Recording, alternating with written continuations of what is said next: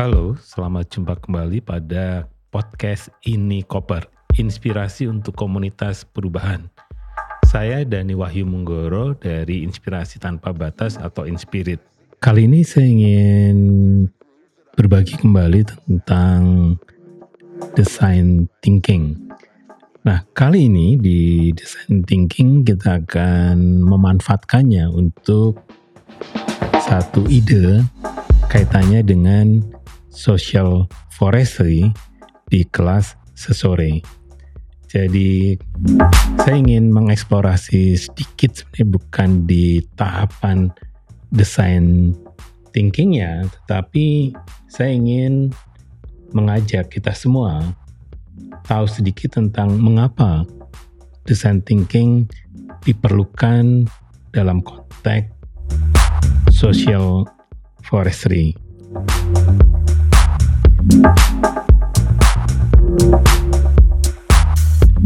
Kita lihat di di apa di social forestry, saya sering memberikan penjelasan tentang bahwa yang kita hadapi sekarang itu dunia yang sudah berbeda dengan dunia 30 atau 50 tahun yang lalu.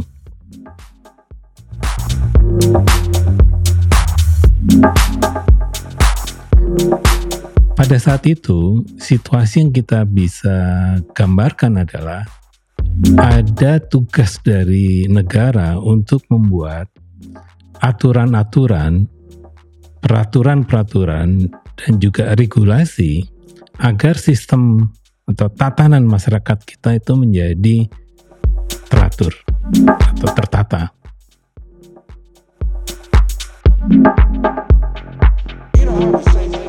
Bagaimana caranya adalah bahwa pemerintah pada saat itu itu melakukan berbagai apa uh, aturan untuk memastikan bahwa terjadi manajemen yang rapi dari mulai yang mikro, meso, dan makro.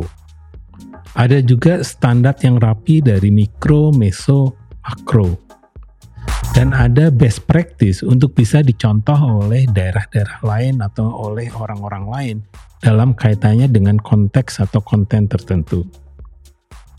Dengan cara ini, pemerintah akan mudah untuk mengontrol agar semua proses itu berjalan sesuai apa yang dirancanakan. Akibat dari inisiatif yang seperti ini, dari situasi yang serba tertata ini, maka di tatanan masyarakat, masyarakat sendiri menjadi apati karena semuanya toh sudah diatur. Oleh karena itu partisipasi menjadi lebih rendah. Di sisi lain, kesempatan negara yang sudah teratur semacam ini itu kesempatan bagi negara melakukan opresif bila terjadi pihak-pihak yang akan mengacaukan tatanan yang sudah teratur ini. Oleh karena itu, di 30 tahun atau 20 tahun yang lalu itu ada istilah orde. Ada, ada orde lama, ada orde baru. Ada orde reformasi. Saat ini situasinya bukan orde. Bukan orde tetapi justru chaos. Kekacauan.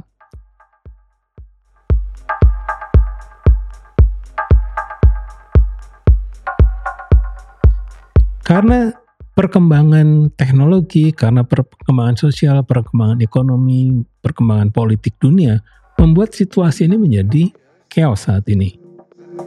Siapa yang bisa meramalkan ada pandemi kemarin?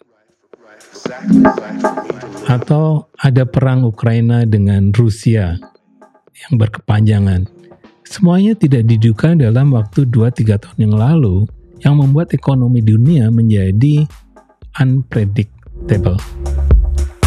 Karena situasinya chaos, maka yang dibutuhkan adalah ada satu pola baru yang harusnya diciptakan sehingga situasi ini bisa dihandling.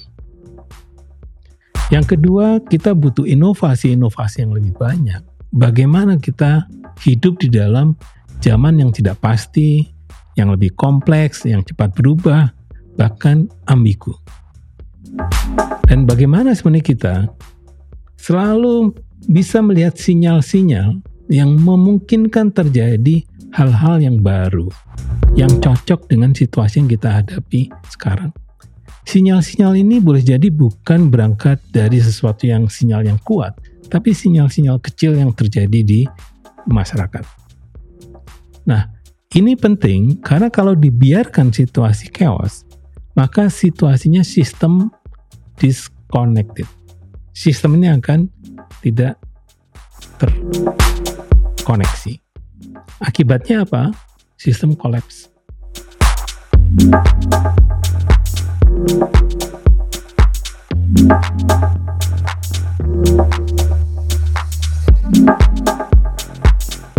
Ini yang akan dialami oleh berbagai negara karena sistemnya memang kacau.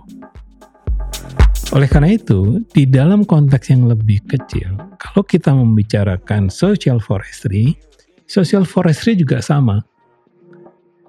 Di dalam Orde Baru, dibayangkan bahwa social forestry itu bisa mengontrol apa pun yang kaitannya dengan kawasan hutan negara. Harapannya ada partisipasi kecil dari masyarakat untuk terlibat di dalam pengelolaan hutan. Sedangkan pada situasi yang chaos semacam ini, social forestry dihadapkan dengan teknologi, dihadapkan dengan pasar, dihadapkan dengan politik, dihadapkan dengan keterbukaan sosial yang semakin lebar. Oleh karena itu, kita butuh inovasi-inovasi di dalam mengembangkan social forestry ke depan. Salah satu yang kita bisa lakukan adalah dengan mengadopsi design thinking. Nah, apa sebenarnya bedanya design thinking dengan cara problem solving yang tradisional? Yang pertama sebenarnya adalah di proses pengambilan keputusannya. Pada problem solving, pendekatannya lebih basisnya adalah asumsi dan ada di dalam ruang yang hampa. Jadi seolah-olah tidak ada kaitannya dengan realitas. Ide bisa muncul dari pemimpin atau para expert. Sedangkan di design thinking, kita belajar dari proses yang lebih inklusif dan ruang yang lebih nyata. Maksudnya, data itu diambil langsung dari kelompok-kelompok yang memang bermasalah dengan apa yang kita ingin selesaikan. Dalam konteks cara berkolaborasi juga berbeda. Di problem solving, kolaborasinya itu sangat formalistik. Dan bahkan trustnya rendah. Sedangkan di design thinking, basisnya justru trust. Dan prosesnya adalah co-creation.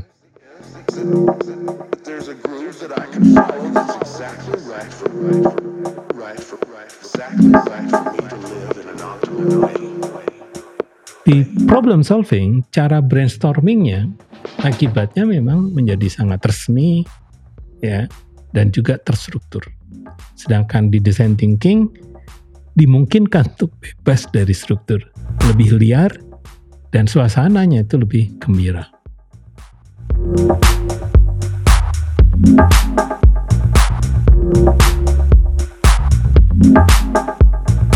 Nah, cara merencanakan pada problem solving biasanya adalah sesuai dengan tugas dan juga jenjang atau posisi. Sedangkan di design thinking itu basisnya justru lintas aktor, lintas komunitas.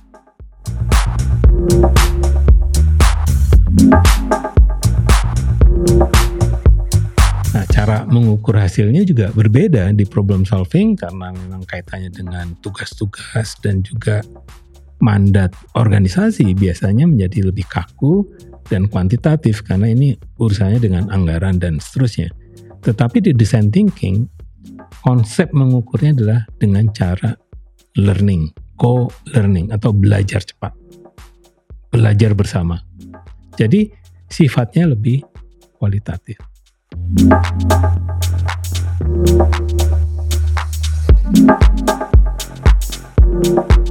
kira-kira sebenarnya yang menjadi landasan mengapa design thinking itu penting bagi social forestry. Demikian teman-teman di kelas sesore. Jadi materi ini supaya bermanfaat bagi tugas akhir kawan-kawan semua pada saat merancang inovasi sosial forestry 2045.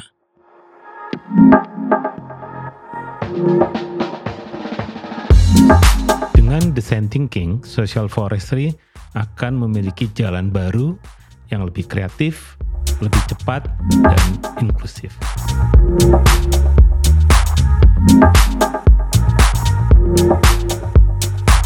Demikian tadi lima hal yang membedakan antara tradisional problem solving dan design thinking. Jadi yang pertama dalam pengambilan keputusannya, design thinking lebih di dalam dunia yang lebih nyata dan lebih inklusif, kemudian di cara berkolaborasinya lebih pada co-creation dan lebih kepada trust, dan juga cara brainstormingnya untuk ideasi itu lebih liar dan gembira, dan cara merencanakannya adalah menggunakan pendekatan yang multi aktor atau lintas aktor. Dan pada akhirnya cara mengukur hasilnya itu basisnya adalah pada proses belajar yang cepat untuk bisa menemukan solusi solusi kreatif berikutnya yang sesuai dengan konteks yang dihadapi. Demikian kelas podcast ini koper kali ini. Ini koper percaya apa pun yang kita bagi pada kelas podcast ini koper akan bermanfaat bagi komunitas perubahan. Sampai jumpa pada edisi berikutnya. thank you